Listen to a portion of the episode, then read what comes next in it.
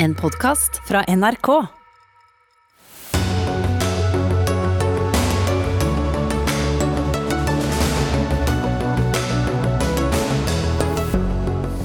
Stortingsflertallet med krass kritikk av regjeringen for det omstridte Bergen Engines-salget, men Høyre kaller kritikken partipolitikk. EU åpner grensene for alle fullvaksinerte, ifølge lekkasjer. Så hvor raskt kan nordmenn atter vende mot paraplydrinker og kjempe om solsengene? Kommuneoverleger over hele landet er bekymret for vaksineringen i sommer. De frykter bl.a. at ikke de har nok personell til å gjennomføre en forsvarlig vaksinasjon. Og Arbeiderpartiet beskylder Høyre for vingling om pappapermen. Partiet vil nemlig utrede hvor mange uker som skal forbeholdes far i fremtiden, samtidig som de beholder dagens politikk. Da sier vi riktig god onsdagskveld og velkommen til Dagsnytt 18. Jeg heter eh, Espen Aas, og mot slutten av sendingen spør vi hva vil stormaktene Russland og USA med nordområdene? Det er stor spenning knyttet til Arktisk råd-møtet på Island. Men vi skal til Stortinget, for flertallet der retter nå sterk kritikk mot regjeringen for håndteringen av det mye omtalte og omstridte salget av Bergen Engines, som ikke ble noe av. Men planene var å selge det til et russiskeid selskap, men salget ble stoppet i mai for å sikre at citat, nasjonale sikkerhetsinteresser ikke ble truet. Fabrikken produserer bl.a. motorer til norske og amerikanske militærfartøy.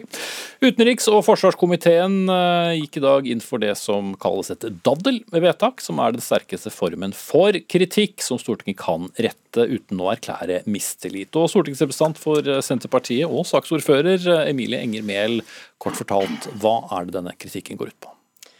Stortingets flertall, som består av Arbeiderpartiet, Frp, Senterpartiet og SV, vi har blitt enige om å rette sterk kritikk eh, mot regjeringen, fordi vi mener at eh, de har mangla kontroll på nasjonal sikkerhet og sikkerhetsrutinene som skal hjelpe oss eh, med å håndtere trusselen fra utenlandske oppkjøp.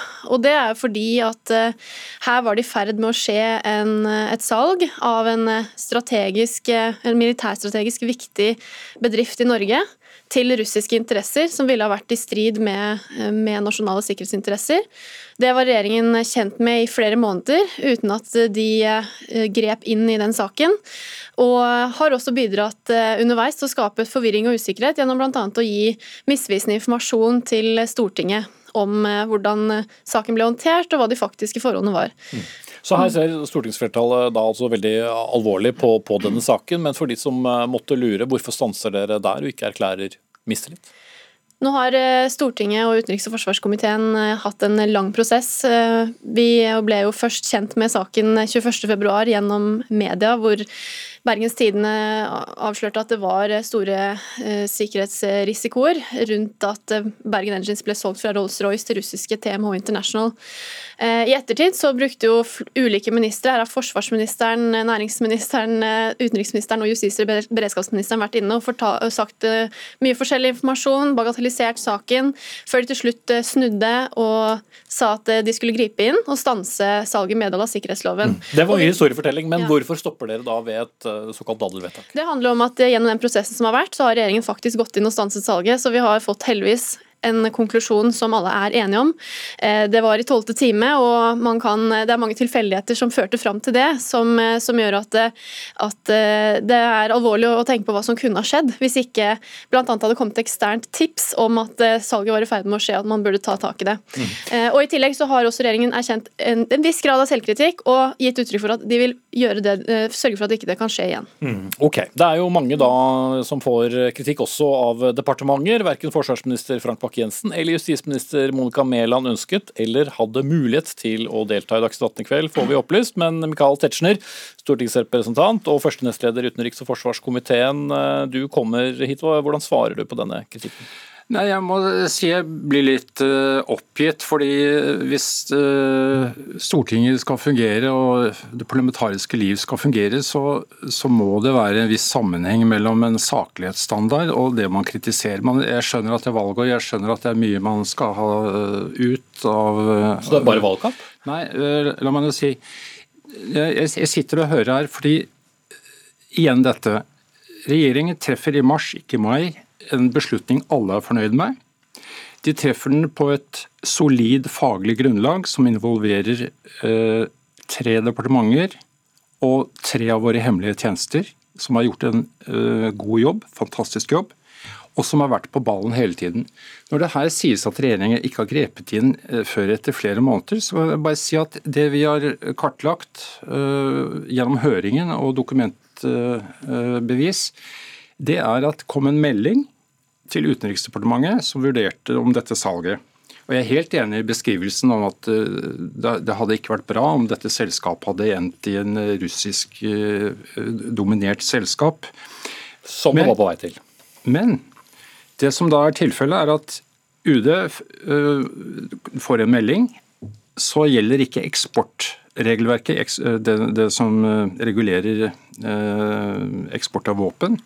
Men de gjør alle andre oppmerksom på problemstillingen. Og på det første møtet i januar, 13. januar, i operativ eksportgruppe, så hvor departementsrådene for de involverte viktige departementene, Etterretningstjenesten, Politiets sikkerhetstjeneste og tolletaten er representert. Den 13. januar så er de på ballen, og de får også oppdrag umiddelbart etter det møtet fra sine respektive moderdepartementer om at de skal undersøke dette til bunns. Mm. Men det er vel litt historiefortellingen nå, så likevel så tar det jo et par måneder?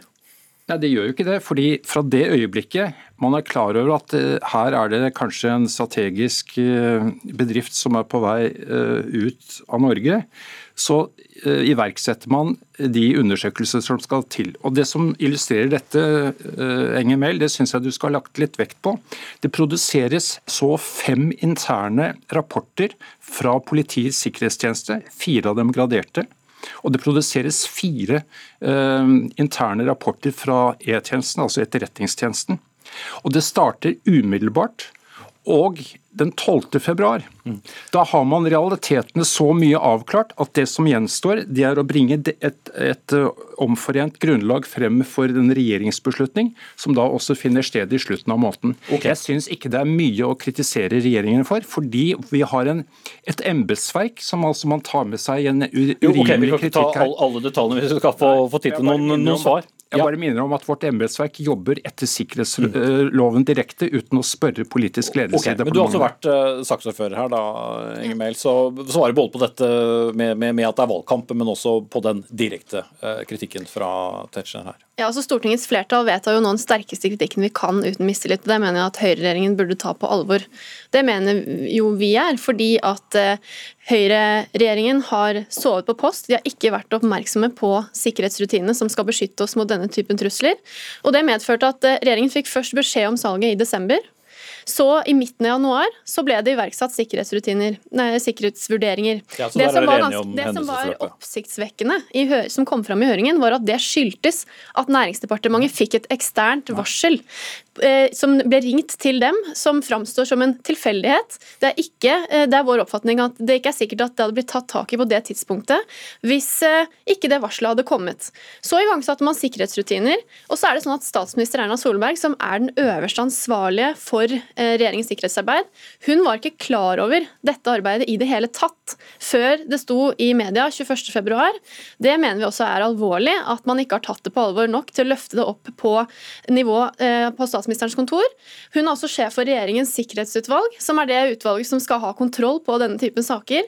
Og det var ikke før 2. mars at de fem ansvarlige statsrådene her satt sammen i et møte og diskuterte problemstillingen første gang, ut ifra det som kom fram i høringen. Og de statsminister sier også i dag at hun tar denne kritikken eh, alvorlig, Tetzschner? Ja, Det måtte i så fall være at man eh, ikke jobbet i, i helligdagene, i romjulen eventuelt. Fordi, eh, og Man kunne sikkert også eh, kanskje fremskjøvet et, et møte i den operative eksportgruppen fra den 13., hvor den altså hadde årets første møte. De, de møtes hver 14. dag. Mm. Så utover det er det ikke noen grunn til å ta kritikken alvorlig? Altså fordi, fordi, jeg må også si Noe av kritikken baserer seg på at man ikke er kjent med at vi har et meget effektivt embetsverk som, som, agerer direkte på de lover som Stortinget har vedtatt, bl.a. sikkerhetsloven, og som ikke behøver å ringe departementets politiske ledelse for, for å si uh, dette er kanskje en transaksjon vi skal gå inn i. Og Det var akkurat det som skjedde.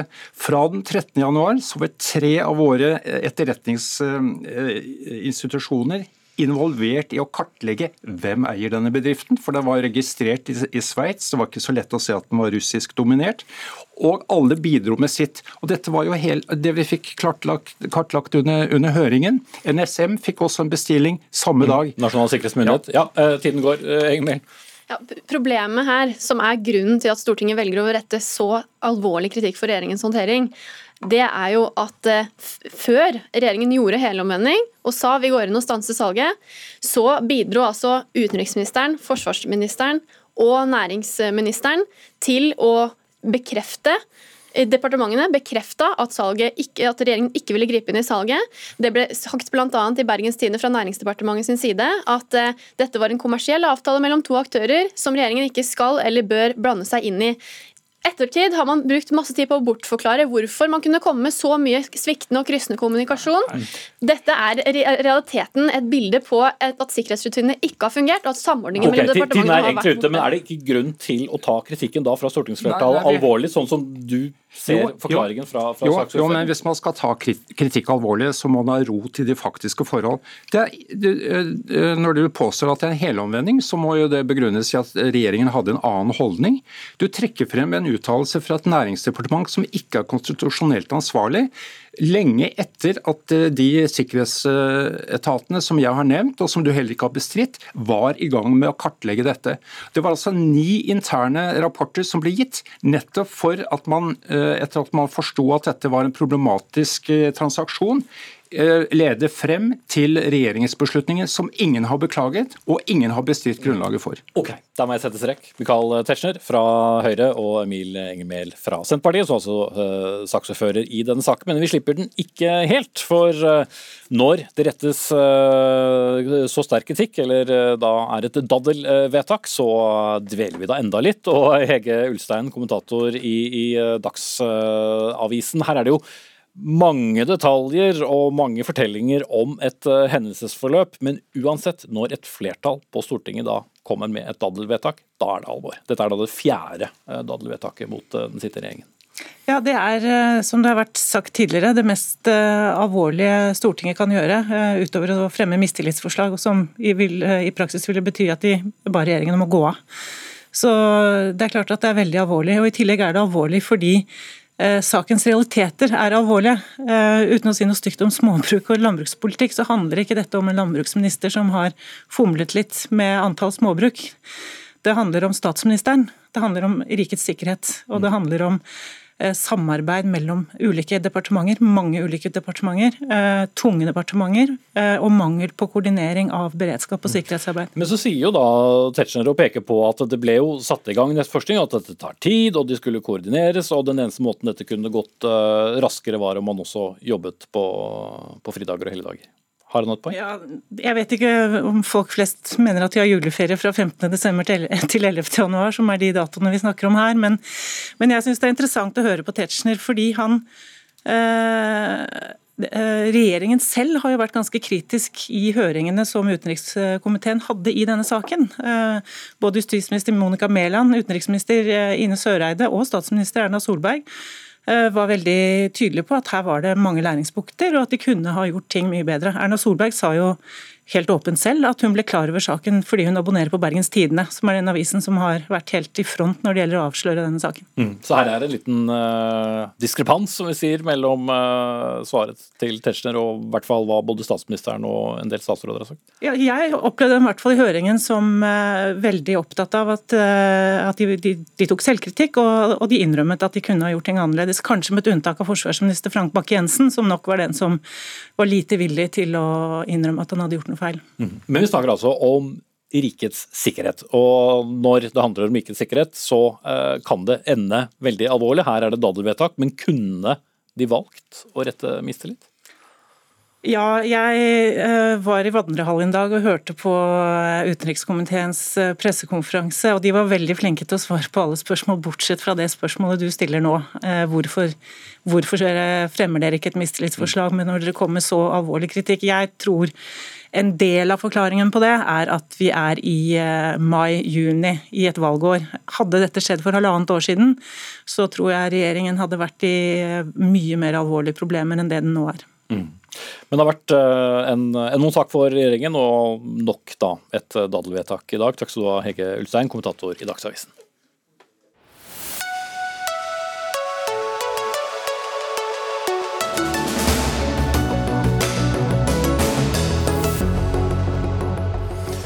Du lytter til Dagsnytt 18, eller se på Dagsnytt 18 for den del. Klokken den er kvart over seks. og Bare minner om at vi også mot slutten av sendingen skal forflytte oss til Reykjavik, der det er knyttet stor spenning til Arktisk råd-møtet der. Men eh, det kommer stadig nyheter om det som er vår nære fremtid. For EU-landene skal nå være enige om å åpne grensene for folk som er helt vaksinert, eller fullvaksinert som vi sier, mot eh, covid-19. Ifølge nyhetsbyrået AFP skal EU-diplomatene ha blitt enige om dette i dag, og anbefalingene skal etter planen vedtas nå på fredag. Europakorrespondent Roger Severin Bruland med oss direkte fra Berlin. Eh, ja, rent konkret, hva, hva betyr dette i praksis? Ja, Dette her har vært et arbeid som starta allerede i mars, der en prøver å lage et Eh, en mekanisme for et eh, såkalt vaksinesertifikat, som er gyldig i alle landene. Og Da er det snakk om en QR-kode eller en strekkode som en kan bruke når en f.eks. skal reise på ferie, slik at en da slipper å gå i karantene. Her i Tyskland har vi jo fått en liten forsmak på det, der eh, en kan bare vise fram vaksinasjonspapirene sine, så slipper en å ta den hurtigtesten for eh, å gå på f.eks. butikken eller frisøren. Mm. Og Så skal det også være enighet om å heve terskelen for hvor mange nye smittede et land kan ha før det regnes som eh, utrygt. Hva er eh, nyansene her? Ja, altså, Vi ser jo det at flere og flere i EU og i Tyskland blir jo vaksinerte. Så en driver jo og ser på mulighetene for å lette på tiltakene i sammenheng med det. Og så er det jo snart eh, sommerferie, og folk eh, er jo veldig lei av alle tiltakene. Så en må jo prøve å se hva slags eh, mekanismer en kan lage, slik at folk kan få lov å ta i bruk sommeren og det er fantastisk flotte været vi har nå på kontinentet. Men eh, hvordan blir nå da Europa åpnet opp i, i nærmeste fremtid, eh, Roger? Ja, det skjer jo gradvis i mange land nå. Eh, det har jo skjedd i Østerrike. I dag i Tyskland så ble det slutt på det her veldig omstridte portforbudet. Og en åpna for eh, kulturarrangement ute. Utekino, uteutstilling. Og så er det jo da på fredag. Da åpner en for at en kan sitte på uterestaurant, på utekafé. Og en begynner også å åpne for at uh, tyskerne kan dra på weekend, for nå er det ei langhelg som kommer opp. Og det blir jo den store prøvesteinen. Går det bra, så vil en eh, åpne opp mer og mer. Men du må huske på at eh, de fleste tiltakene i Europa, og spesielt i Tyskland, er jo basert på smittetall. Og går smitten opp, så vil eh, altså folk bli straffa for det. Og, og, går smitten ned, så vil folk bli belønna for det. Mm. Sier takk til deg, Roger Severin Bruland, med oss direkte fra Berlin. Assisterende helsedirektør Espen Rostrup Nakstad. Er det, er det gode nyheter som nå kommer, eller eh, blir folk som deg litt nervøse av dette? Nei, Dette er jo egentlig akkurat som forventet. for EU har jo lenge sagt at de ønsker en vaksinepassordning eller et koronasertifikat som gjør at du kan reise mellom land uten å havne i karantene. Eh, så det er ikke overraskende at man nå har blitt enige om at vaksinerte personer de vil slippe karantene. Eh, men så er det også denne grensen på hva som er et rødt og grønt land, da, som da heves fra 25 per 100 000 til 75 per 100 000. Og som gjør at etter hvert som smitten vil gå ned i Europa når flere er vaksinert, så vil sannsynligvis også de som ikke er vaksinert kunne reise uten karantene etter hvert. Mm. Men for Norges eh, del, da, hva betyr dette hvis det nå kommer på fredag? Dette betyr at vi må fortsette det arbeidet vi gjør med å lage et koronasertifikat som også kan brukes i utlandet. og Det arbeidet er veldig godt i gang. Så Den siden av det er for så vidt den minst problematiske. Det andre er jo om dette skal brukes til noe innenlands i Norge. Eh, og Det er en politisk beslutning som også vil bli tatt etter hvert. Mm, men uh, hva kan vi vente når det gjelder tid her? Alle de som vi har vært så opptatt av å beskytte, som nå for lengst er vaksinerte, kan de se frem imot å slåss om solsengene med, med tyskere i nærmeste fremtid? Når kan et pass være på plass? Ja, så Signalene fra EU nå er at man ser for seg i juni så vil man ta opp reiseaktiviteten. og Tidsplanen for det norske koronasertifikatet er også at vi skal ha en QR-kode klar i juni. Eh, det er jo en kode som kan skannes på en flyplass f.eks., hvor du ser hvem du er og om du er vaksinert. Altså om det kommer rødt eller grønn farge, eh, rett og slett, når man gjør det. Eh, og Det er viktig at det er et sikkert system, sånn at det ikke jukses med det. Det er egentlig det som er viktig her. Og Får man det på plass, så åpner det seg mange muligheter også for nordmenn etter hvert, vil jeg tro. I juni. Ja, i hvert fall eh, hvis EU åpner eh, for at du kan reise uten, eh, uten innreiserestriksjoner, så er i hvert fall det en lettelse for nordmenn. Og så er det jo spørsmål da når man, når det enkelte land vil si at ja, du kan komme hit fullvaksinert og slippe innreisekarantene. Jeg tipper det blir harmonisert mellom land, men det er igjen storpolitikk dette her. Mm. Men eh, så har vi forlenget da tiden mellom første og andre vaksinedose. Betyr det at eh, veldig mange her må smøre seg med litt ekstra tålmodighet før et sånt eh, pass vil gi grønt? Det er jo en av de tingene som er litt usikkert. Også med tanke på at det er flere land som også tenker på, som Norge, å gi en dose og ikke to. Så det er en av de usikkerhetsfaktorene nå som, som må klarlegges. Mm. Så eh, kommer det Det handler om noe helt annet, men nå klokken 19 så er det en eh, pressekonferanse fra regjeringen som handler om vaksinestrategien. Hva kommer? Vet du det? Det kommer nyheter om eh, dette med skjevfordeling og geografisk fordeling, hva man har konkludert med. Fordi nå har regjeringen fått innspill fra kommunene via statsforvalterne, også de kommunene som da er forespeilet eventuelle endringer. Og så kommer det en konklusjon på det nå klokka sju. Og den er? Ja, Det får vi se. Det blir spennende. Eh, det er jo sagt mye om dette allerede, men det har jo også vært eh, debattert. Så vi får se hvordan dette blir eh, når pressekonferansen begynner. Mm. Vi får ikke vite det i hvert fall. Takk skal du ha, Espen Rostrup Nakstad, assisterende helsedirektør. Vi får følge Dagsrevyen klokken 19, hvor vi skal gå direkte dit. Men vi skal likevel eh, beholde deg litt i studio, for vi skal snakke om denne vaksinestrategien. For det er mange kommuneleger rundt omkring i landet som frykter at eh, denne vaksinestrategien som vi kjenner den per i dag, vil gjøre det vanskelig å gjennomføre vaksinering når vi kommer til sommerferien. Det handler om mangel på personell, innkalling og logistikk under fellesferien. Kommuneoverleger fra Vestland og Agder, altså fylkene, har signert et bekymringsbrev til myndighetene, og det samme har flere kommuner kommuneoverleger i Nord-Norge. Og um, Vi skal til Harstad nå. Der er du kommuneoverlege Jonas uh, Holte. Du har signert et brev sammen med 13 andre kommuneoverleger i Nord-Norge og ber om at den varslede endringen i vaksinestrategien ikke innføres. Nå vet vi ikke hva som kommer uh, om en, en drøy halvtime, da. men det er jo da denne geografiske omfordelingen som, som bekymrer dere. og i, omsatt i, i, i, praksis, hva er det som blir uh, vanskelig og bekymringsverdig? Eh, nei, Vi vet jo ikke helt det. for Det er jo ingen som eh, kan gi oss eh, tall på, på hvor mange vaksiner vi, vi skal få i, i, juni og juli, og hvor mange vi da skal, skal ta igjen. Altså. Men, men altså, utgangspunktet for hele debatten er jo at eh, regjeringa har signalisert at de ønsker å gjennomføre en ytterligere skjevfordeling av eh, vaksinene, slik at over da, 300 kommuner som allerede nå gir fra seg 12% av vaksinene, skal gi fra seg 35% av vaksinedosene frem til midten av uh, juli. Og så da Fra midten av juli og videre så skal de samme kommunene da få tilsvarende mer vaksinedoser i tre uker under uh, fellesferien. Og Det er jo i denne forbindelsen at uh, vi i kommunen har blitt spurt om vi er i stand til å ta igjen det etterslepet da, over en treukersperiode i fellesferien. Og Det er vel akkurat det som gjør at timinga er litt dårlig og er utfordrende. Og Hvordan har da engasjementet blant dine kolleger i andre kommuneoverlegne vært i denne saken?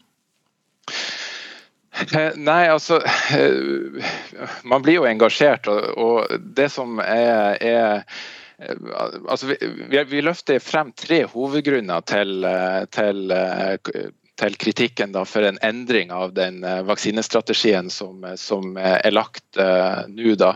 Og Det er jo det med, med personell. Klarer vi å, å få inn uh, flere folk i akkurat de ukene? Vi, jeg må jo understreke, vi har jo allerede planlagt for en, en massiv vaksinering gjennom hele sommeren, også i fellesferien. Spørsmålet er bare klarer vi å vaksinere en tredjedel av befolkninga vår i de tre ukene. Eh, med et personell som allerede nå er, er, er, slitent. Og det andre er jo er folk hjemme. Eh, I, eh, I, det tidsrommet som vi snakker om. Vi vil jo sikkert da være nede på en ganske sånn ung befolkningsgruppe som da skal vaksineres. Så vil de prioritere å avbryte ferien sin på kort varsel og komme hjem for å få satt den vaksinen. Det er vi usikre på. Og så er det jo den tredje grunnen til kritikken vår. og det er jo at vi, vi, stiller ganske store spørsmålstegn ved nytteverdien av å innføre dette tiltaket nå. Vi hadde veldig stor forståelse for omfordelinga som ble iverksatt i, eh, i, mars. Da var situasjonen en helt annen. Da hadde man uh, mye færre vaksinerte i befolkninga i Norge, og vaksinetilgangen var dårlig. Mm. Nå er vaksin... Unnskyld. Ja. Eh, bare få assisterende helsedirektør Espen Rostrup Nakstad til å svare på disse bekymringene. Det, eh, vil du avvise bekymringen? Jeg vil si at eh, Begrunnelsen her er det FHI som har kommet opp med, og det er rett og slett å bli fortere ferdig med vaksineringen i Norge og få smitten mer under kontroll på et tidligere tidspunkt. Og Så får vi se om regjeringen da velger å følge det rådet eller ikke. Men så vidt jeg forstår mener dere også at 200 120 kommuner kan ta unna flere enn de altså, opprinnelig skulle? Det som er Poenget er at det kommer eh, uheldigvis kan man si, til å komme veldig mye vaksinedoser til Norge i juni, juli og august. Eh, det er bare sånn det er. Og da vil vi måtte vaksinere langt flere per måned enn det vi har gjort hittil i pandemien i Norge. Så Hvis vi har folk nok? Eh, ja, og, og, der sier jo de fleste kommunene at de har lagt gode planer, og de har blitt forespeilet at det blir veldig mye vaksinering både i juni, juli og også i august. Og etter det så blir det mange andre doser. Så det det egentlig er spørsmålet er, det er om noen kommuner får litt flere av disse dosene i juni istedenfor juli, og motsatt. Det er egentlig det det dreier seg om. og det, Sånn at det blir i så fall en endring hvor det kanskje blir litt mer jobb i juli enn i juni for noen hvis eh, dette blir eh, besluttet. Men hvordan skal man planlegge for det, da? Dersom, hvis? Ja, I utgangspunktet så er det sånn at man må planlegge ut fra de estimatene FHI har gitt. Eh, og De er på mellom 1 og 1,5 million doser per måned nå framover, så det er veldig mange doser. Det vet kommunene godt. og Så må man ha en fleksibilitet og prøve å tilpasse dette etter, etter det behovet som kommer. Og mm. Det kan bli vanskelig, men det er også veldig viktig. og Det er jo ikke bare noe kommunene skal gjøre alene. Folk må jo også selvsagt da stille opp og når de blir tilbudt vaksine, og ikke forvente at kommunen kan kaste seg rundt og utsette veldig mange timeavtaler f.eks. Mm. Jeg vet ikke, Holt, eh, ble planleggingen noe enklere av dette? Nei, den er jo ikke det. og Det er jo litt av hovedproblemet at altså, vi har forberedt oss på å vaksinere mye i sommer. Vi har leid inn ekstra folk for det. Det oppdraget fikk vi allerede i slutten av april. Eh, problemet nå er at vi vet ikke hvor mange eh, vaksinedoser vi, eh, vi, skal få i juni og juli. Vi vet vi skal få 35% mindre, men av hva? Sånn at her er et regnestykke hvor både teller og nevner er, er ukjent.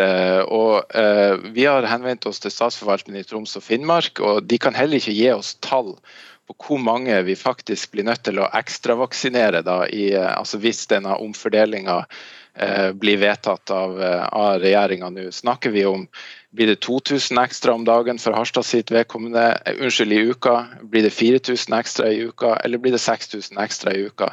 Vi vet rett og slett ikke hva det er vi, vi skal planlegge for, og det, det, det er uheldig. Så de tallene de, de, eksisterer ikke for kommunene, i hvert fall. Nei, det er kanskje ingen som har dem heller? Nok, Nei, det er ingen som har dem, og det er utfordringen, selvsagt. Men så vet vi også ut fra estimatene til FHI at det er jo snakk her om i første omgang en, en endring for større kommuner. For de minste kommunene så blir det håndterbart uansett, tror jeg, for det er snakk om ganske få doser. For de litt større kommunene så kan det bli at man må jobbe litt lengre dager og kanskje ha inn noen mer ekstra folk. Men dette vil jo man selvsagt ikke vite sikkert før man kommer nærmere, og det er det som er reelle utfordringen. Det har vi stor forståelse for. Så har det vært snakket om en egen pool, eller sånne såkalte vaksinevikarer her, Jonas Holte. Er det noe som uh, ville løst uh, problematikken hos dere? Ja, det kunne godt ha vært aktuelt å eh, be om bistand fra den, eh, den poolen. Det har vi gjort en gang før, men da oppnådde vi ikke kontakt, for det var helg. Nå kan vi jo selvfølgelig planlegge langt frem i tid, men jeg tviler sterkt på at den poolen er stor nok til å hjelpe 319 kommuner hvis de eh, har et stort behov for ekstra folk. Så Nakstad, da er egentlig rådet regn med et stort rush og planlegg for det? Det er mange muligheter her. Man kan ansette helsefagstudenter som trenger sommerjobb. Både legestudenter og sykepleierstudenter kan få opplæring og bistå. Man kan bruke en del frivillige organisasjoner også i logistikk her. De kan ansettes. Og I denne poolen som vi snakker om, så er det jo to pooler. Det ene er jo de 10 000 helsefagarbeiderne som ikke jobber i helsetjenesten og som er registrert. Men så har vi da kvalitetssikret 1000 av dem gjennom et bemanningsbyrå, og 104 av dem er klare i dag til å reise. Sånn at her er det muligheter for de kommunene som vil benytte den ordningen, eh, og kan ansette ekstra folk gjennom sommeren, og vil sannsynligvis få det refundert av staten også. Så det gjelder å bruke de mulighetene, og det er egentlig vårt hovedpoeng, at man eh, bør ståle, eller planlegge for at eh, man kan trenge litt ekstra folk også når man kommer ut i sommerferien. Mm. Men fortsatt mange ukjente den ligningen holdt til? Ja, det er jo det. og jeg mener vi er Gjennom hele pandemien har vi kasta oss rundt veldig fort og vært veldig løsningsorientert. Eh, sånn at uh, Blir dette den eh, endelige beslutninga, at det blir vedtatt at vi skal ha en ytterligere omfordeling, så, så, tror jeg jo at de fleste får det til. Hovedpoenget er jo bare skal vi virkelig er nytteverdien så stor, er gevinsten så stor for denne omfordelinga at det er verdt å planlegge for en, en på grensen til kritisk vaksinering eh, tre uker i fellesferien for, eh, for 319 kommuner i Norge. Mm. Om en halvtime så blir vi kanskje noe klokere på nettopp det. Da kommer helseminister, helsedirektorat og FHI på pressekonferanse. Takk skal dere ha kommuneoverlege i Harstad, Jonas Holte, og stadig assisterende helsedirektør eh, Espen Rostrup Nakstad.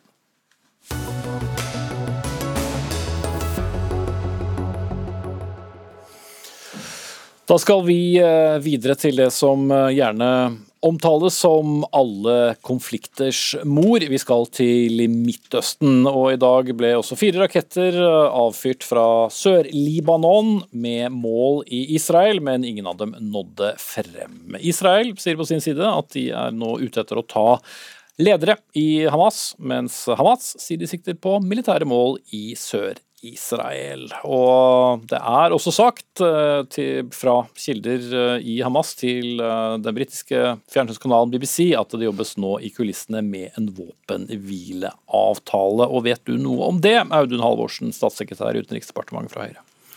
Jeg kjenner ikke detaljene om det nå, men det er klart eh, en, eh, alle signaler om en stopp i den voldsspiralen vi har sett eh, den siste uken, og en mulig våpenhvile og dialog mellom partene, ville være veldig gode nyheter. Det er vel alle enige om? Absolutt. Og Derfor så er det også viktig at vi nå, at partene stopper den voldsbruken, den eskaleringen vi har sett finner til eh, forhandlingsbordet at vi får en eh, våpenhvile, en stopp på eh, maktbruken, og rett og slett en sårt trengt pause for befolkningen på Gaza og mm. rundt Gaza. I Sikkerhetsrådet da har Norge sammen med Kina og Tunis et ansvar for å holde konflikten på, på agendaen. Det har vel så langt kanskje ikke nyttes helt, eller? Og så vidt vi forstår har også USA stanset en felles uttalelse flere ganger denne uken. Hva, hva slags uttalelse er det Norge ønsker vi skal enes om? Tvert imot så har Norge vært en av initiativtakerne til nettopp at saken skal være på Sikkerhetsrådets agenda. Jo, det, det, det, er, jo det som er jobben deres, men dere har vel ikke kommet helt dit? Uh, jo, altså det har vært fire møter i Sikkerhetsrådet den siste uken uh, hvor saken da har vært på agendaen. Tre forrige uke, ett senest i går. Vi mener at eh, det ville være viktig at rådet samlet seg om en eh, uttalelse, eh, nettopp med et krav om stopp i voldshandlingene, om en våpenhvile og om beskyttelse av sivile. Det er eh, bred enighet om eh, disse signalene i rådet, men det har så langt ikke blitt noen eh, enighet om en felles uttalelse. Nei, nettopp. Det jobber vi videre med. Ja. Audun Lysbakken, som partileder i, i, SV, så kritiserer du da regjeringen for å ikke si klart nok fra, og hevder at denne nølingen er, er farlig. Men uh, hvor, hvordan nøles det? Det er jo ikke bare at Norge kan bestemme. Norge snakker ullent. Eh, det er altså nå en eh, situasjon hvor vi har sett flere angrep som rammer humanitære organisasjoner i Gaza, angrep som har rammet presse. Vi har over 200 dødsfall, over 60 barn er drept. Det er ingen som helst slags tvil om at den israelske maktbruken overgår det du med noen form for rimelighet kan kalle selvforsvar. Mm. Men hvordan er Norge ullen? Nei, Norge har altså vært veldig tydelig i sin fordømmelse av Hamas, noe SV støtter fullt ut. For det Hamas gjør eh, med å skyte raketter mot sivile områder er totalt uakseptabelt. Men vi får ikke en like tydelig fordømmelse av israelske angrep. I stedet får vi generelle vendinger om fordømmelse av angrep på sivile på begge sider men ikke det tydelige budskapet som trengs. Og Hvorfor trengs det nå? Jo, fordi det er bare internasjonalt press mot den israelske regjeringen som kan få slutt på bomberegnet over Gaza. Eh, og, hvis du f.eks. sammenligner den norske språkbruken med et sammenlignbart land som også sitter i Sikkerhetsrådet, Irland, så ser du altså meldingen fra den irske utenriksministeren har vært mye tydeligere mm. når det gjelder å rette en tydelig pekefinger mot den israelske regjeringen og fordømme uh, deres voldsbruk. Svar på den kritikken, Halvorsen. Jeg mener at den kritikken er helt feil. Eh, Norge har vært veldig tydelig i vårt budskap og veldig tydelig i vår fordømmelse av alle angrep på sivile, eh, uavhengig av hvem som står bak og hvordan de skjer. Og veldig tydelig i våre krav til at eh, partene må opphøre med voldshandlingene øyeblikkelig. Og det er, altså, det er til syvende og sist bare partene selv som kan avslutte denne konflikten. Og det internasjonale presset er viktig. og nettopp Derfor har Norge vært en pådriver for å få en uttalelse fra Sikkerhetsrådet, som vi så langt dessverre ikke har fått noe enighet om. Mm. Men USA spiller jo også en rolle her, det er jo blitt nevnt helt siden starten. Men Lysbakken, dere mener også at her kunne Norge presset mer på? Altså, Norge har jo en uh, viktigere posisjon internasjonalt enn vi vanligvis har. Selv om vi jo er faktisk en aktør i, i Midtøsten, så uh, er vi nå også uh, medlem av Sikkerhetsrådet. hvis, hvis en ser på, på, det utenriksministeren sier i Sikkerhetsrådet, så er mønsteret det samme som jeg beskrev i sted. En veldig tydelig fordømmelse av angrepene fra Hamas, men ikke en tydelig fordømmelse og en tydelig kritikk rettet mot de israelske angrepene. Jeg prøvde også å få utviklingsministeren statsministeren til å si dette tydelig i Stortinget i dag. Det er mye ull. men, men hvorfor det? Er det da taktikk? Overfor USA? Eller Nei, altså, denne regjeringen eh, har ved flere anledninger syntes det var vanskelig å kritisere, kritisere Israel, eh, så klart som jeg mener man bør gjøre det. Eh, og det eh, er jo et visst mønster i eh, en politikk som har blitt mindre tydelig kritisk mot okkupasjonen de siste årene. Eh, og på et vis kronen på verket der, dessverre, som jeg også konfronterte regjeringen med i Stortinget i dag, er jo at de borgerlige faktisk presterte å kutte i bistanden til Palestina i budsjettet for i år. Mm. Noe men, som oss, dagens situasjon jo setter i et særdeles merkelig lys. Men, men, la oss holde oss da til denne kritikken, for uh, her uh, leser de to Auduner uh, det hele veldig forskjellig, Halvorsen. Altså, det konkrete, altså, har du konkrete eksempler som, som, som støtter det du sier når det gjelder språkbruken om Israel? Vår, vår, språkbruk er fullt på linje uh, med de vi anser som likesinnede land i dette, uh, disse spørsmålene. Hvis du, som, på, hvis, du ser på, hvis du ser på uttalelsene som har kommet fra Sverige, fra Danmark, fra EU, og jeg vil si også fra uh, USA, langt på vei, med støtte til våpenhvile, deeskalering, slutt på voldsbruken mellom partene og beskyttelse av sivile, et ekstremt viktig poeng. Men, men USA sa i dag at de forventet en deeskalering fra Hamas' side. Det er jo ikke det, sånn sett en kritikk av uh, Israel i så fall? Begge partene må jo til for dersom det skal skje en deeskalering. For det vi har sett er jo nettopp en voldsspiral hvor begge partene heller eskalerer enn å deeskalere. Og Det er jo det, den dynamikken som har rammet ikke minst sivilbefolkningen på Gaza og rundt Gaza den siste uken. Men vi er uh, Jeg opplever ikke at det er veldig stor avstand eh, i budskapet fra eh, USA og fra eh, våre likesinnede og fra Norge. Det som har vært en diskusjon så langt i Sikkerhetsrådet, er hensiktsmessigheten av en uttalelse hvor USA peker på at de driver aktivt diplomati, særlig langs bilateralkanalen. Men ville det endre så mye om Norge brukte så mye sterkere ord og kom med sterkere fordømmelser av Israel? Det, det, er klart det er med på å bygge opp press. Nå har vi også en situasjon hvor det er et voksende press internt i USA på Biden. Eh, og Jeg er jo helt enig med Halvorsen. Altså, Norge har vært eh, omtrent på linje med USA i det man har sagt, men det er jo det som ikke er godt nok. Fordi der, eh, Den linjen betyr at man er veldig tydelig, veldig målrettet i sin kritikk av voldsbruk fra palestinsk side, som jeg støtter, men ikke like tydelig eh, mot angrep fra israelsk side. Og Det som er alvorlig med det, i tillegg til at det ikke bidrar til å bygge opp nødvendig press mot den israelske regjeringen, er at det tilslører hva denne konflikten til syvende og sist bunner i. Man må evne å se forskjell på okkupert og okkupant. Man må evne å se hvem som sitter med nøkkelen til å løse situasjonen. Og dette er jo en krise som har begynt med utkastelser av folk mm. eh, fra men, men, palestinske områder i Jerusalem, og, og denne eh, okkupasjonspolitikken som eh, Israel får lov til å fortsette i jo, men Hvis Norge begynner å bruke et helt annet språk enn de andre medlemmene, så kommer vel heller ikke noen vei med det? Nei, altså Som sagt så uh, har altså den irske utenriksministeren vært langt tydeligere. Uh, og hadde Norge ligget på samme linje som en del av det som har kommet fra, fra han i det siste, så hadde jeg også vært uh, mer fornøyd. Så, så, her er det altså et spørsmål om å bruke den innflytelsen vi har, men det er også et spørsmål om å snakke sant. Og jeg tror at veldig mange i Norge er enig med meg i at vi må, må plassere ansvar der ansvar skal være. Eh, og det har ikke regjeringen greid å gjøre på okay, en rimelig måte. Tiden går her, eh, Halvorsen. Vi liker jo å tro at eh, med den historikken som, som, Norge har når det gjelder denne konflikten, at vi har en, en viss påvirkning. Men sier du at den ikke er så stor, for at vi ligger stort sett bare på, på linje med de andre? Nei, Norge er en aktør som blir lyttet til i dette spørsmålet. Fordi vi har en erfaring som er bygd opp over tid. Vi har et jeg vil si, nesten unikt godt forhold til både palestinerne og til Israel, og til andre aktører i og rundt regionen. Kan man ikke da skjerpe tonen, som Lysbakken sier? Ja, men eh, vi har vært tydelige. Vi har vært tydelige i fordømmelsen av angrep på sivile. Eh, vi har vært tydelige i vårt eh, budskap, også til Israel, over lang lang mm. tid når det gjelder de forholdene vi, vi ønsker å påpeke. Vi har vært tydelige i foranledningen til det som nå har skjedd, det vi har sett i Øst-Jerusalem, det vi har sett om trusselen om husutkastelser. Så det er ingen tvil om hvor Norge står og hvor vi er tydelige. Og nå er vi også tydelige i Eh, fordømmelsen av alle angrep på sivile. Det er viktig. Partene i fellesskap har et ansvar for å deeskalere.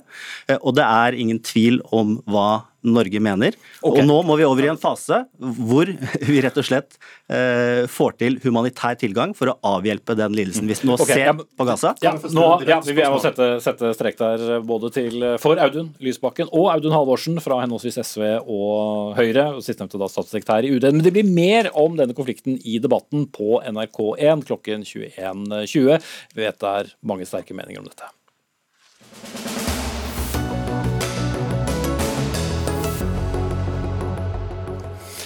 Så skal vi til et mye diskutert eh, tema, både her i Dagsnytt 18 og også i politikken generelt. Det handler om tredelingen av foreldreposisjonen. Altså at uh, mor og far har en tredel hver, og så fordeler de den siste tredelen seg imellom.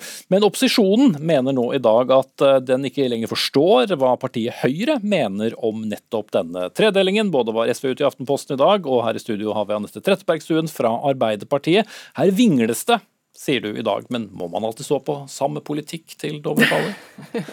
ja, det vingles eh, noe enormt eh, fra, fra, Høyre. Og nå som de borgerlige partiene sine landsmøter er unnagjort, så er det ingen tvil om at høstens stortingsvalg det blir et skikkelig retningsvalg for likestillings- og familiepolitikken. For, for bakgrunnen og, her er da at eh, Høyre på sitt landsmøte i helgen sier at de vil utrede denne trefordelingen. Ja, og det er jo ikke noe nytt at vi har måttet dratt høyresida etter oss både baklengs og motvillig når det er snakk om store, viktige likestillingsreformer, sånn som eh, pappakvoten i foreldrepermisjonen. Og Høyre har jo da på annethvert landsmøte siden 2009 klart å vingle og vedta ulike ting om, eh, om pappakvoten. Eh, helgas vedtak om at man skal evaluere ordningen og, og eventuelt gjøre endringer dersom det vises, viser seg at foreldrene trenger mer fleksibilitet, det viser jo helt tydelig at det er KrF som har hånda på rattet her, og at Erna fortsatt er mer opptatt av egen regjeringsmakt enn å faktisk stå opp for viktige likestillingssaker. Mm. For KrF man, synes ikke den trenger å være like lang? Nei, KrF vil avvikle eh, pappapermen. Hvis man, man kan godt evaluere permisjonsordningen eh, frem og tilbake så mye man vil, men hvis man mener at man er for en pappakvote, så skal man si det. Men det betyr bare at med et, med et Frp og et KrF som vil fjerne pappakvoten, et Høyre som ikke helt vet hva de vil, ehm, så er det, er det sånn at høstens valg blir et tydelig retningsvalg for familiepolitikken, og alle som er opptatt av fedres rettigheter som omsorgspersoner, ja, de bør eh, velge partier på venstresida dersom de vil bevare okay. pappapermen. Da Heidi Nordby Lunde, stortingsrepresentant fra Høyre. Er det store spørsmålet hva mener dere egentlig om pappakvoten. Ja, nå er det jo slik at Anette Trettebergstuen spådde akkurat det samme i 2013, og sa at likestillingen vil gå i revers dersom Høyre kom i regjering. Og nå har vi jo fasiten på det. Flere kvinner jobber heltid, deltid går ned, mm. barnehagedekningen har økt, flere minoritetsbarn Men går i barnehagen. Men i stedet for den listen, hva, bruken, hva, mener dere ja, om fedrekvoten etter landsmøtet? Og bruken av kontantstøtte går ned, for å nevne bare noe. Vi har vært med på å innføre en tredeling av, eh, av foreldrepermisjonen. Noe så radikalt som Arbeiderpartiet aldri turte å stå for. Og vi står for å beholde eh, foreldrepermisjonen og den tredelingen. Men vi får, såpass, vi får såpass mange tilbakemeldinger av barnefamilier som syns at den er for rigid. Og da har man gjort eh, økt for fleksibilitet tidligere også, så vi ser på om vi kan gjøre noen forbedringer i den ordningen. Mm, men vi har, vi har innført tredelingen. Vi står på tredelingen men jeg mener at det er helt riktig å ta hensyn til hva familiene faktisk sier til oss, mm. og evaluere. Men i praksis så betyr det at det står for den inntil videre, hvis det da blir et gjenvalg av dagens regjering til høsten med støtte fra Fremskrittspartiet, som ikke er begeistret for denne fedrekvoten, kan den da skrotes? Nå er det jo med eh, støtte fra KrF, Fremskrittspartiet, Høyre og Venstre som har innført da, eh, denne tredelingen. Så ja, den kommer til å bli videreført. Men når vi ønsker å se på den, så er det for oss å se om det er eh, rettferdig at deler av permisjonen bortfaller helt.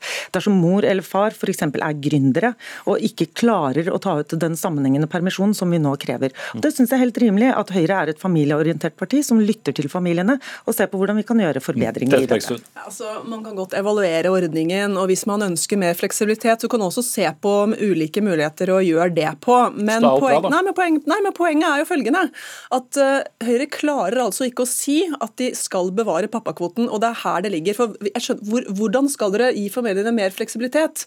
Uh, og Hva slags endringer skal dere gjøre hvis det ikke handler om om å gjøre pappakvoten mindre.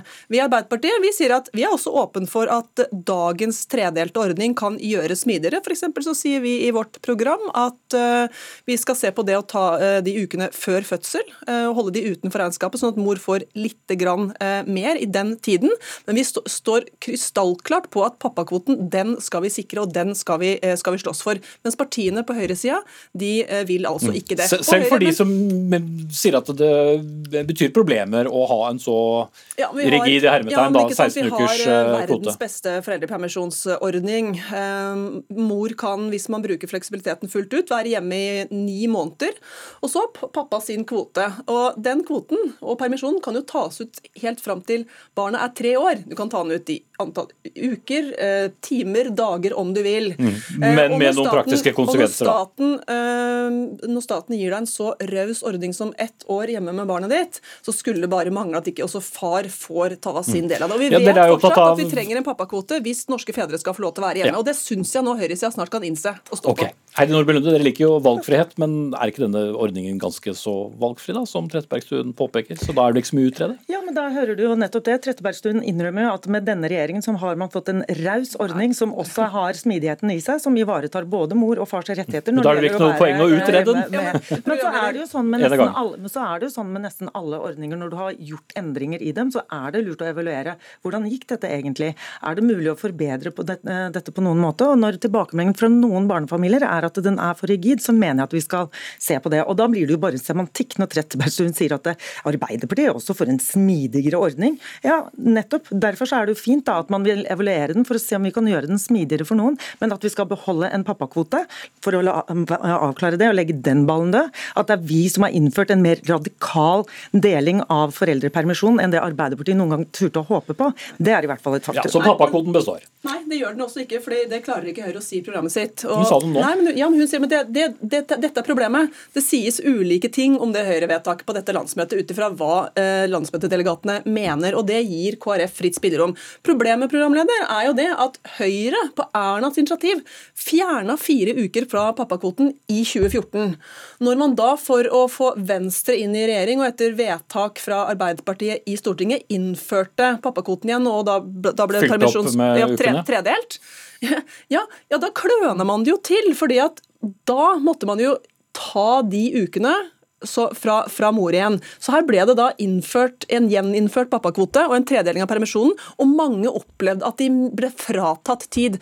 Da Arbeiderpartiet styrte, så utvida vi alltid pappakvoten ved å legge til uker til permisjonsordningen, slik at det skulle være et gode for far. Og så lenge ikke Høyre her sier at um, de skal evaluere, men sikre pappakvoten Gi meg nå ja, de ordene som vi må altså, si for at du fra Arbeiderpartiet skal stole på hva jeg okay, sier. Nå har du sjanse til å med tid til det. Fordi, altså, altså når, når, vi nå gjentar flere ganger, det er vi som har innført denne, uh, denne, tredelingen. Vi har gjort det med de fire partiene som har sittet i regjering. Vi står på den tredelingen vi har. Vi ønsker å evaluere den og bruke Arbeiderpartiets ord for å gjøre den smidigere for barnefamiliene og beholde den muligheten til at både mor og far skal kunne ta ut tid sammen med sitt barn. Står på tredelingen, var ikke det garanti nok? Nei, i 2010 var dere mot pappakvote. I 2013 uh, eh, var dere mot pappakvote. I 2017 ville dere ha fedrekvote. I 2019 var dere mot fedrekvote igjen.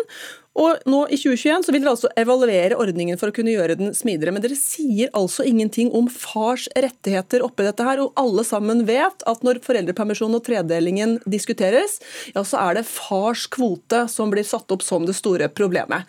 Jo det er det, men hvilke andre endringer skal du gjøre for å gjøre den smidig da? Kan dere ikke bare si at dere vil bevare pappakvoten? Vi vet jo det, at med en gang KrF kom inn i regjering, så har de fått gjennomslag for sin familie- og likestillingspolitikk. I motsetning til Trettebergstuen så har jeg da som venninner av meg som er er gründere. Det er ikke alltid fars kvote som er problemet. Det er når mor er gründer og også eh, trenger å få, eh, og ønsker å faktisk gå tilbake til arbeidslivet raskere, og ønsker da de, til, eh, de ekstra ukene skal tilfalle eh, sin mann, uten altfor mye mikkmakk med det. Og Nettopp den type smidighet mener jeg at vi skal legge til rette for, for å få bl.a. flere kvinnelige mm. gründere og få kvinner tilbake til arbeidslivet så raskt som mulig. Fars uker skal bestå, fars men de kan bare bli flere, ikke færre. Er det det du sier? Bare for å få avklart det kort, kort til slutt. Pappakvoten vil eh, bestå. Tredelingen vil vi evaluere for å se på hvordan vi kan gjøre den smidigere og tilpasse den til eh, barnefamiliens faktiske hverdag, ikke drøm, drømmehverdagen Arbeiderpartiet vil ha. For med... Ok, Der setter jeg strek, for vi har ikke tid. Takk til Anette Trettebergstuen fra Arbeiderpartiet, Heidi Nordby Lunde fra Høyre.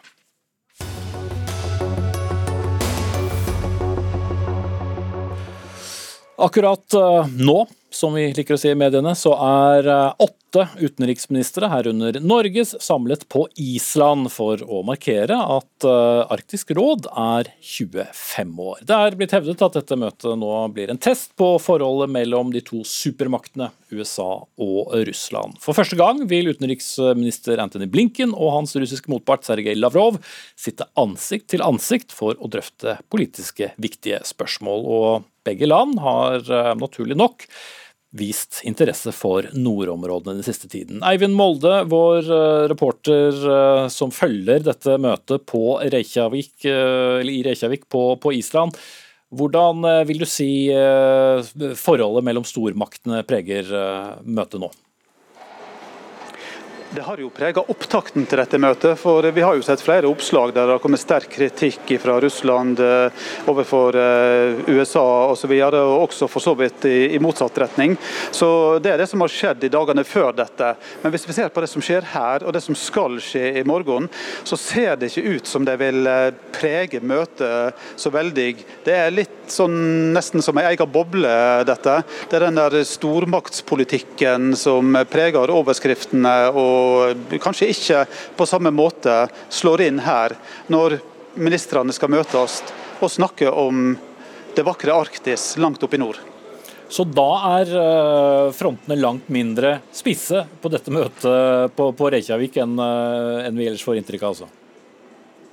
Ja, det, det, er faktisk slik. Jeg har jo snakka med vår utenriksminister Søreide om det. og Hun sier at, eh, at den, den, retorikken vi ser med store ord og ordkrig nærmest eh, på kryss og tvers her, det, det, er ikke noe som preger arbeidet i Arktisk råd og preger dette møtet heller. Så Det blir jo spennende å se om vi får høre de ordene også fra en talerstol her i morgen. Jeg snakka også med en sentral person i den amerikanske delegasjonen.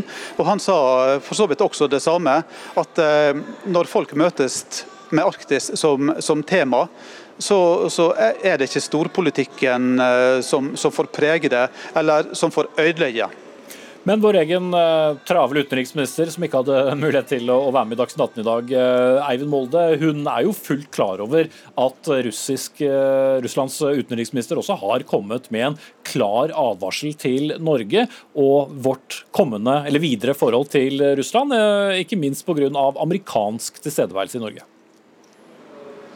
Absolutt, eh, men, men, svaret fra Utenriksdepartementet og henne er jo at et, dette er relativt kjente synspunkt. Dette er synspunkt fra Russland som har kommet før, som har kommet nå de siste dagene, og som sikkert vil komme igjen. Det som er interessant å se, er jo, og lure litt på kanskje, er hvorfor kommer disse eh, kraftige utsagnene fra Russland nå bare få dager før en skal begynne å diskutere eh, løsninger i eh, Arktis, miljø og klima og bærekraftig utvikling osv. Hvorfor kommer dette akkurat nå, rett før dette møtet? Det kan vi jo lure på. og som jeg sa i sted, Det blir jo litt spennende å se om Lavrov vil gjenta noe av denne kritikken fra talerstolen her i Arktisk råd i morgen, eller når han skal ha pressekonferanse rett etter ministermøtet i morgen. Mm. Det følger du videre for oss eh, her i NRK, Eivind Molde. Takk skal du ha. Men eh, Julie Wilhelmsen, seniorforsker ved NUPI, Norsk utenrikspolitisk institutt. Kanskje du kan svare litt på hvorfor det kommer da så klare advarsler i forkant av møtet, og så er alt eh, fryd og gammen når man møtes på Island?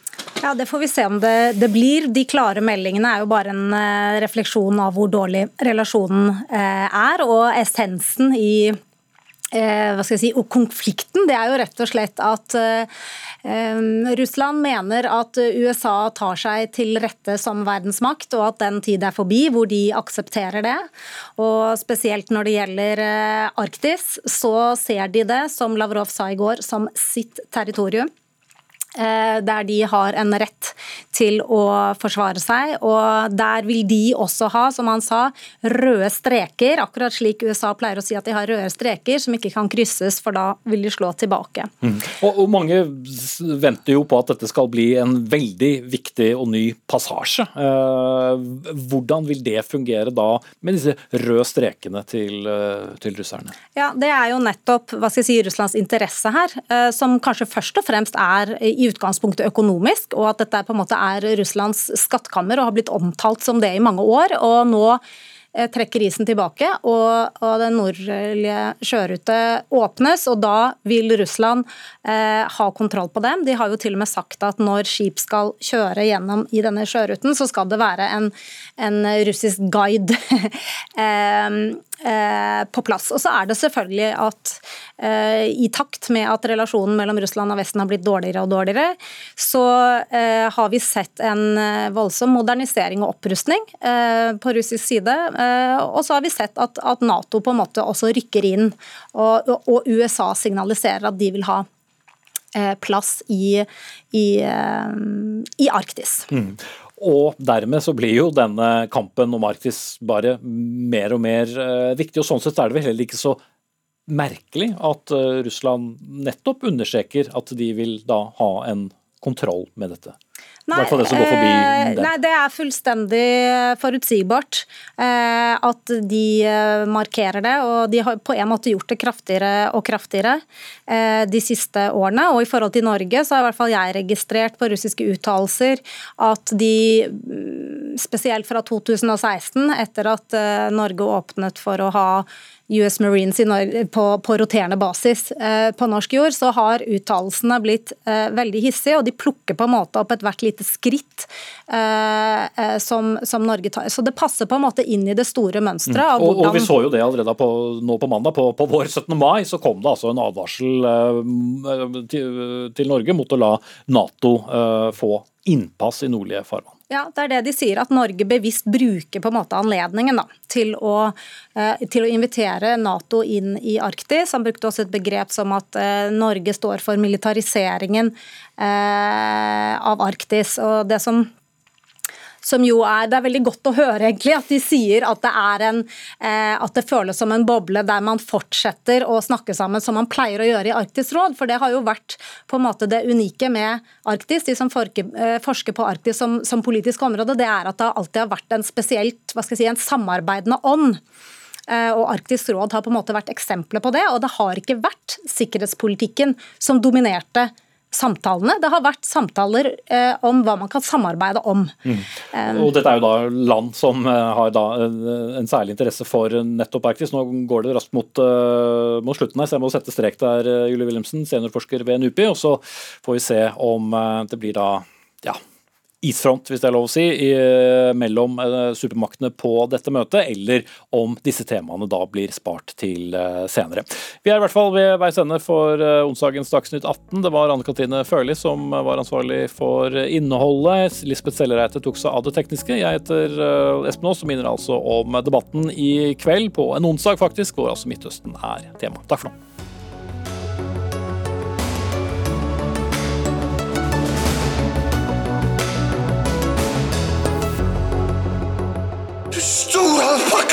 Før så samla vi oss for å høre på radioen. Nå lytter vi på hva vi vil, når vi vil, og mest for oss sjøl. Vi lytter for å fylle ventetid, bli underholdt, oppdatert og litt klokere. Vi lytter for å la oss bevege av sterke historier. Eller bare av musikk. Så selv om mye har forandra seg, er det viktigste som før.